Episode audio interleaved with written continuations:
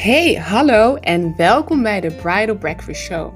De podcast waarin ik je alles ga vertellen over trouwen en het plannen van een kleurrijke bruiloft. Ik deel praktische tips en tricks die snel toepasbaar zijn, zodat je zelfverzekerd en zonder stress jouw droombruiloft plant. Mijn naam is Enjo, founder of Mrs. Lake Weddings en in deze podcast ben ik jouw wedding planner online. Maak het jezelf gemakkelijk en ontspan. Dit is jouw safe space waarin je bruiloftdromen werkelijkheid worden. Welkom bij aflevering 6 van de Bridal Breakfast Show. Of moet ik zeggen, welcome to the Bridal Breakfast Show. Ehm, ik moet zo lachen, want uh, ik zeg altijd dat ik drie talen spreek, of ik spreek drie talen: uh, Nederlands, Engels en papiament. Um, maar ik zeg altijd dat ik drieënhalf talen spreek, of zelfs vier. Uh, en dat komt omdat um, ik een woordje Spaans spreek. Niet genoeg om op mijn cv te zetten, maar wel genoeg om me verstaanbaar te maken. En ik heb al tien jaar een vriendin in Spanje, die geen woord, of jawel, ze spreekt een heel klein beetje Engels. Uh, en met mijn klein beetje Spaans kunnen we al tien jaar echt hele toffe gesprekken hebben. Uh, en ik heb uh, de, de, de, andere helft van de taal komt van, uh, van het Duits. Ik heb heel lang in een Duits team gewerkt. Waardoor ik het gevoel heb dat ik Duits helemaal kan verstaan. ik kan het niet spreken, want ik heb Duits als eerste vak op de middelbare school laten vallen. maar ik spreek dus drie en twee keer een halve taal. Uh, dus dat komt uh, uit op bijna vier talen. Hoeveel talen spreek jij? Ik ben heel erg benieuwd. Deel het met mij uh, terwijl je ook um, deze aflevering deelt. maar welkom bij aflevering 6 van de Bridal Breakfast Show. je kunt de show notes nalezen um, op www.mrslake.nl slash 6. En dat is gewoon het cijfer 6, dat is het nummer van de aflevering. En daar kun je ook bepaalde links en allemaal dat soort dingen vinden. Maar terug naar de orde van de dag. Want waarom zou je kiezen voor een meertalige trouwceremonie? Nou, vaak kiezen bruidsparen voor een meertalige trouwceremonie vanuit het oogpunt van de gasten. Zodat de gasten de anderstalige ceremonie kunnen volgen en um, getuigen kunnen zijn van het mooie moment. Nou, als werkplanner voor kleurrijke koppels maak ik vaak een meer- of anderstalige bruiloft mee. Van koppels die in het buitenland wonen en dus geen Nederlands spreken, maar die Nederland hebben gekozen als bestemming voor hun destination wedding. Tot fusion koppels met elk een familie uit een ander land. En bruidsparen waarvan de directe familie geen Nederlands of Engels spreekt. Een trouwceremonie um, uh, geheel of gedeeltelijk in een andere taal is ook een manier om voor, voor het bruidspaar een echt eigen trouwceremonie uh, te organiseren. Het is dus niet alleen maar uh, bijzonder voor de gasten uh, of praktisch voor de gasten, maar het kan ook heel bijzonder en mooi zijn voor het bruidspaar zelf.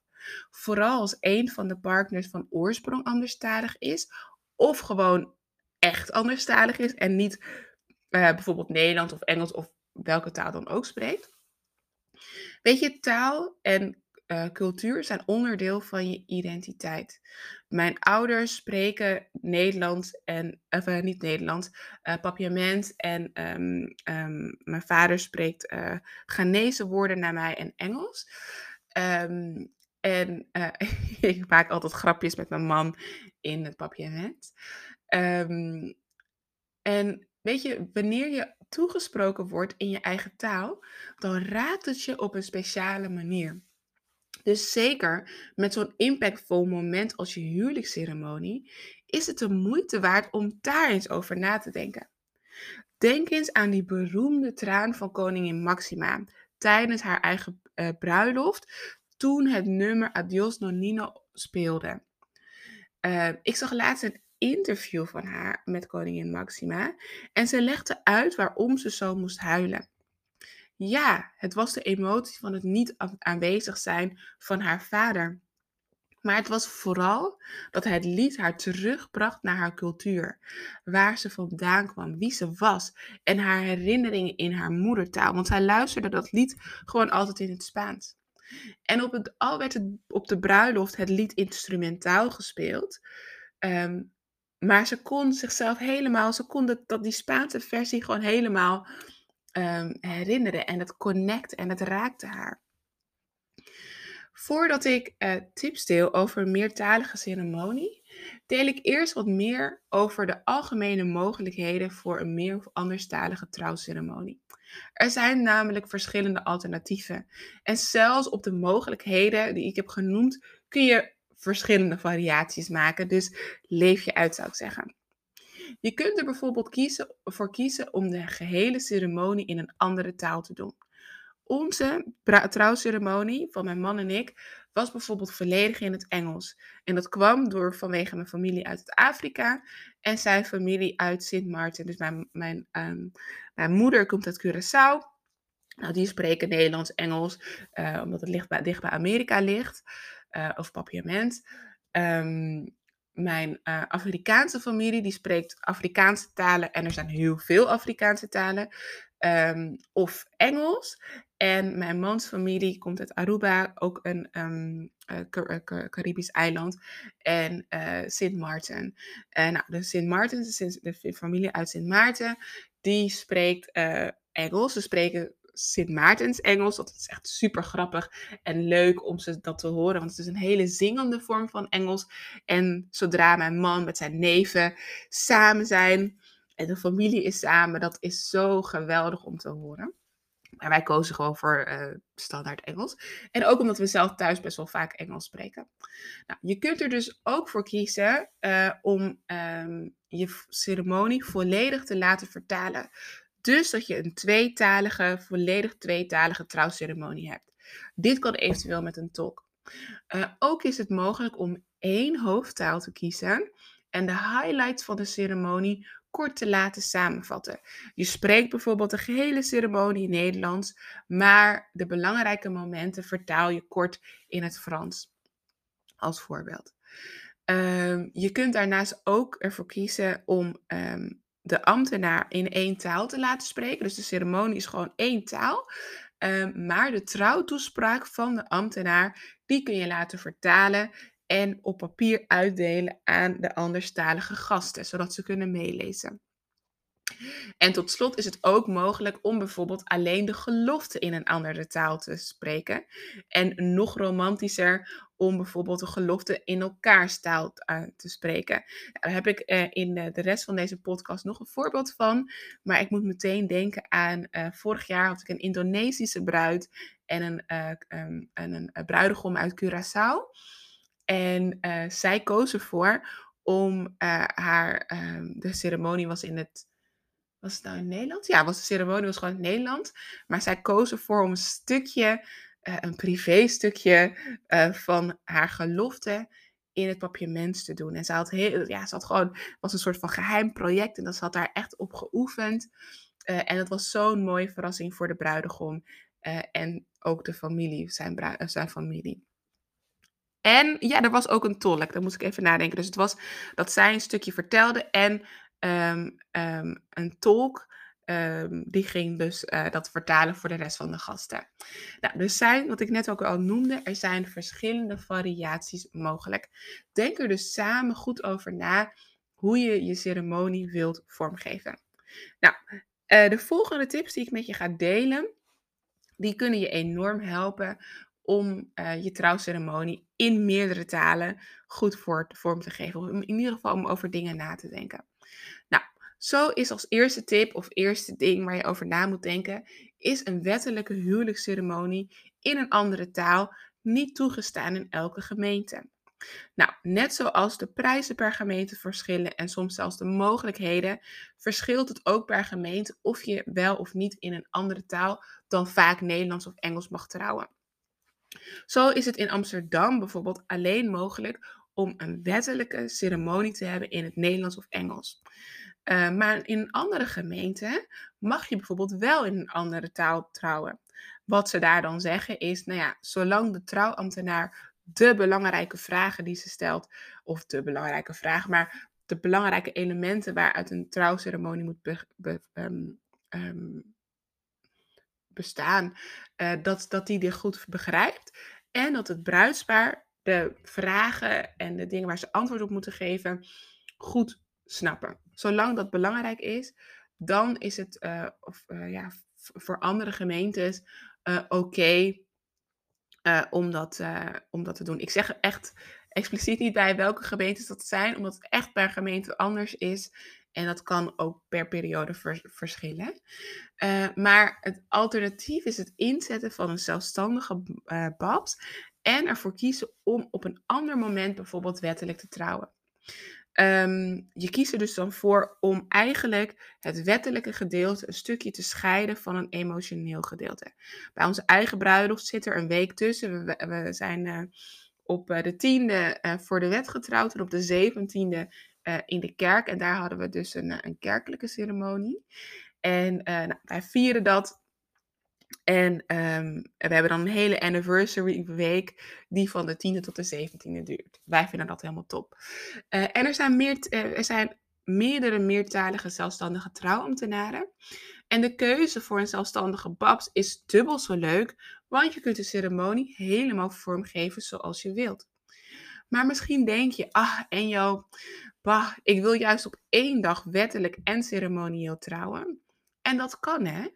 Uh, en dat kan, je kan bijvoorbeeld s ochtends naar, naar het gemeentehuis gaan en, en verder. Maar je kan het ook doen dat het één geheel is van je trouwdag op locatie. Neem bijvoorbeeld Lieve Jean en JB.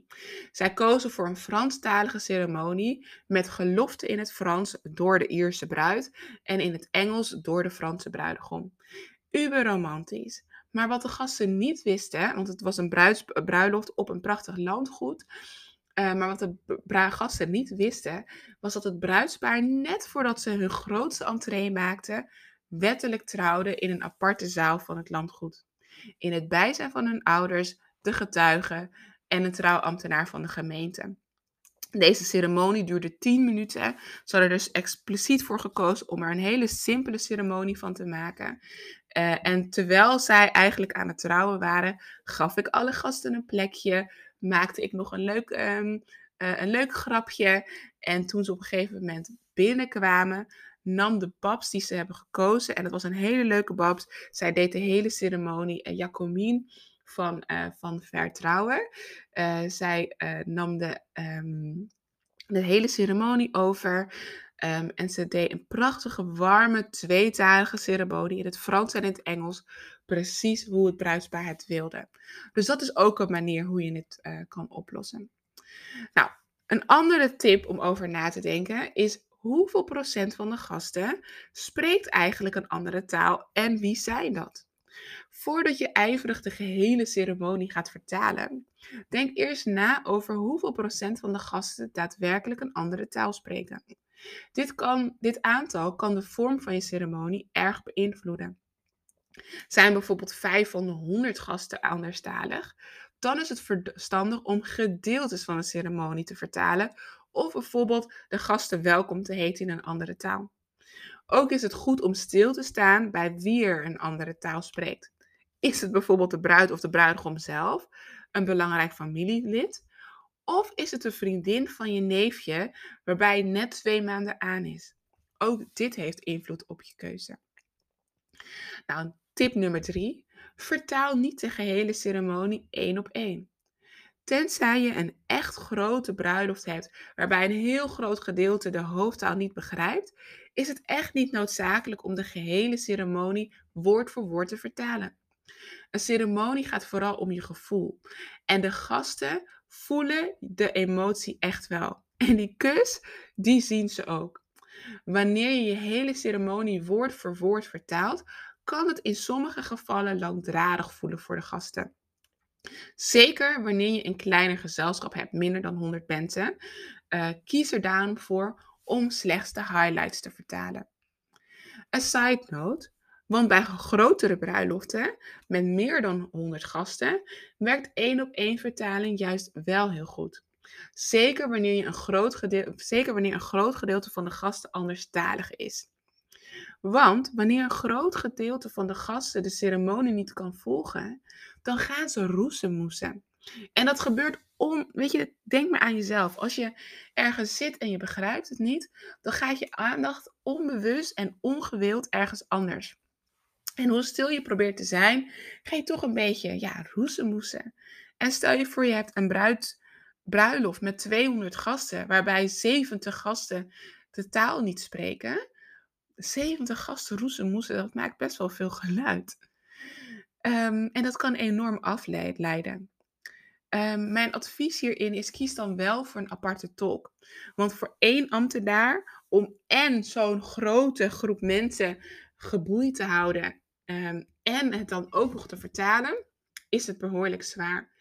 Ik heb dit vaak hoor, bij uh, grote Afrikaanse huwelijken of bijvoorbeeld bij een Hindoestaanse trouwceremonie, waar bijvoorbeeld het um, ja, traditionele gedeelte echt in, um, of andere bruiloften waar het traditionele gedeelte echt in de moedertaal is, uh, is er heel vaak een tolk aanwezig en dat werkt gewoon heel goed.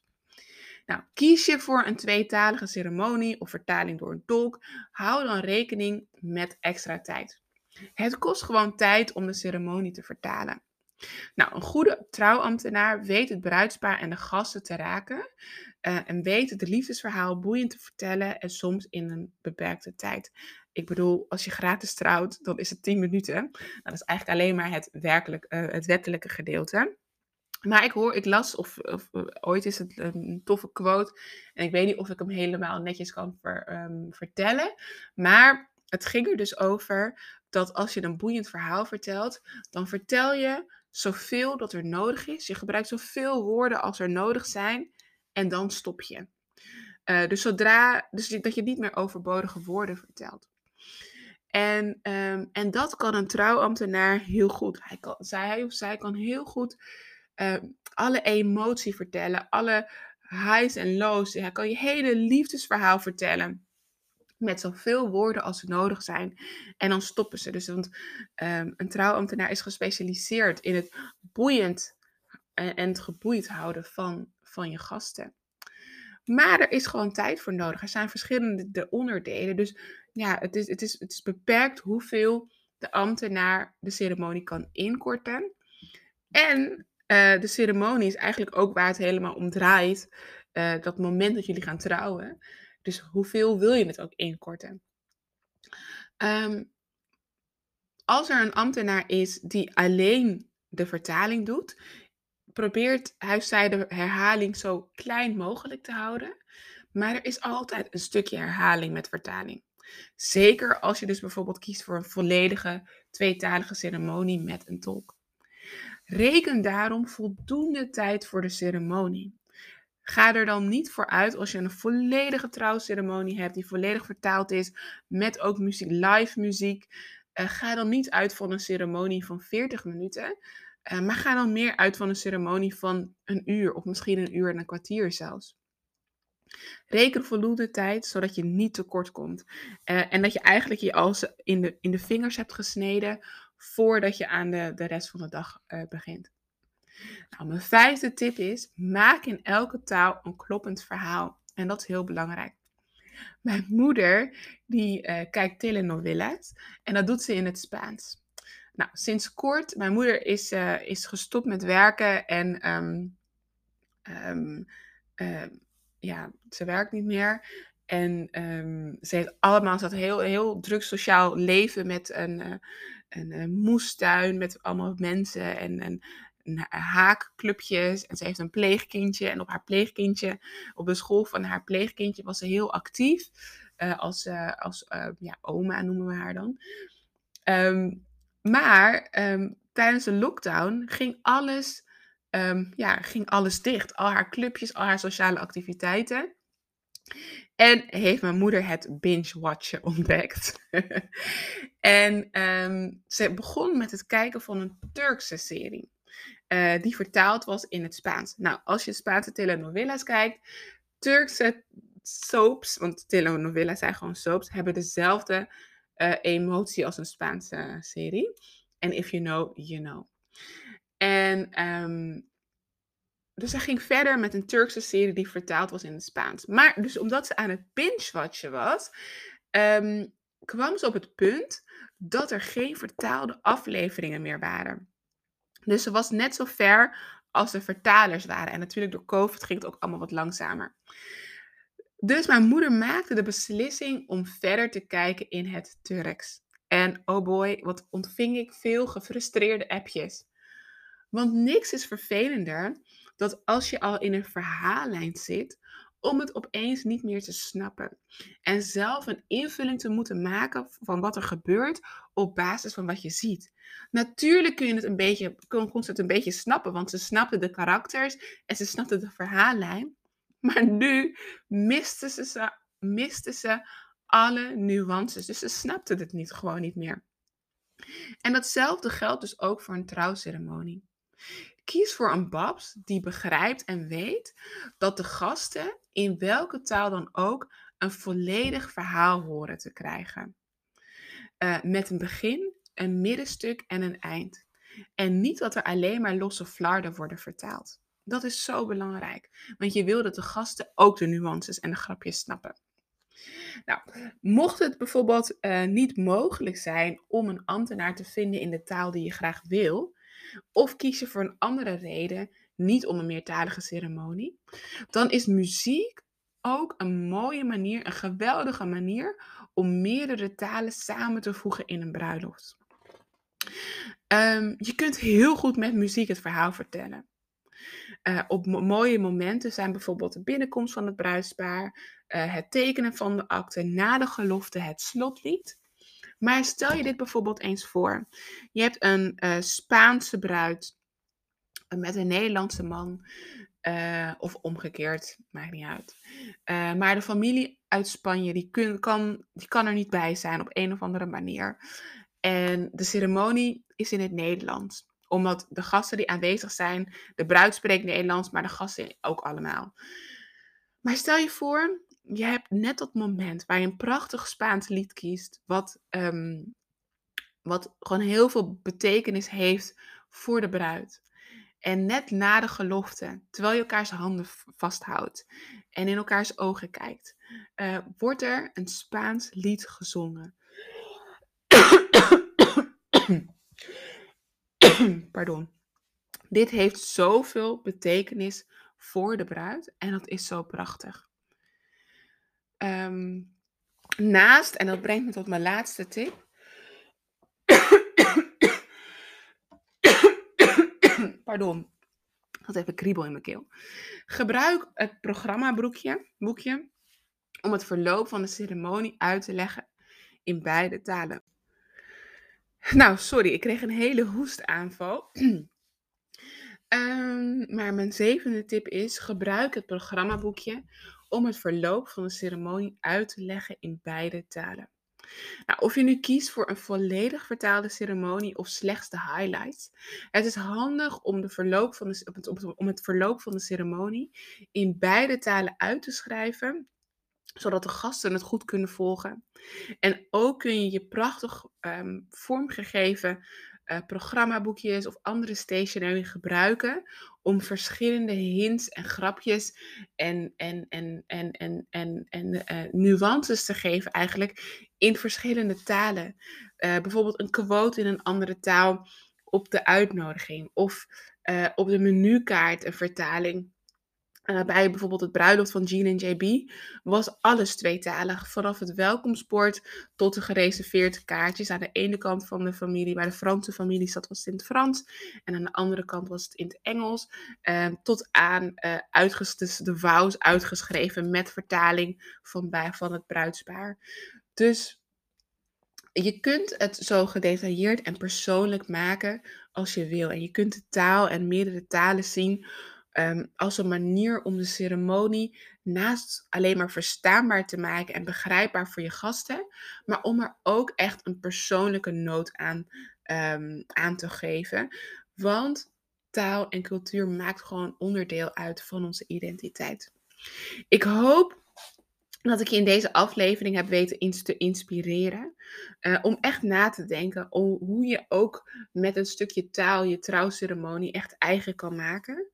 Uh, maar ook je praktische tips hebt, kunnen geven waar je kunt, over kunt nadenken wanneer je, um, wanneer je aan de slag gaat met je tweestalige ceremonie. Dankjewel voor het luisteren vandaag.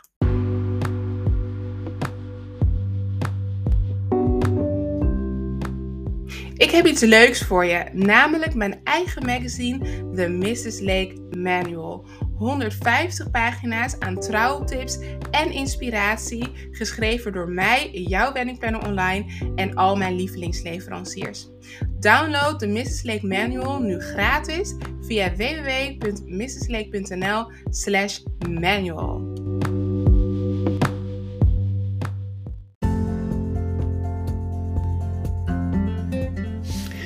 Top, je hebt deze aflevering helemaal beluisterd. Vond je hem net zo fijn als ik? Geef dan een eerlijke review en abonneer je op de podcast. Daar kun je me enorm mee helpen. Vergeet niet om de show notes van deze aflevering na te lezen op www.mrslake.nl slash 6. Wil je met mij verder kletsen? Stuur me dan een DM op Instagram at Mrs. Lake Weddings. Uh, en vergeet niet ik ben Enjo Leek en ik ben jouw weddingplanner online. Tot volgende week in een nieuwe aflevering. Doeg!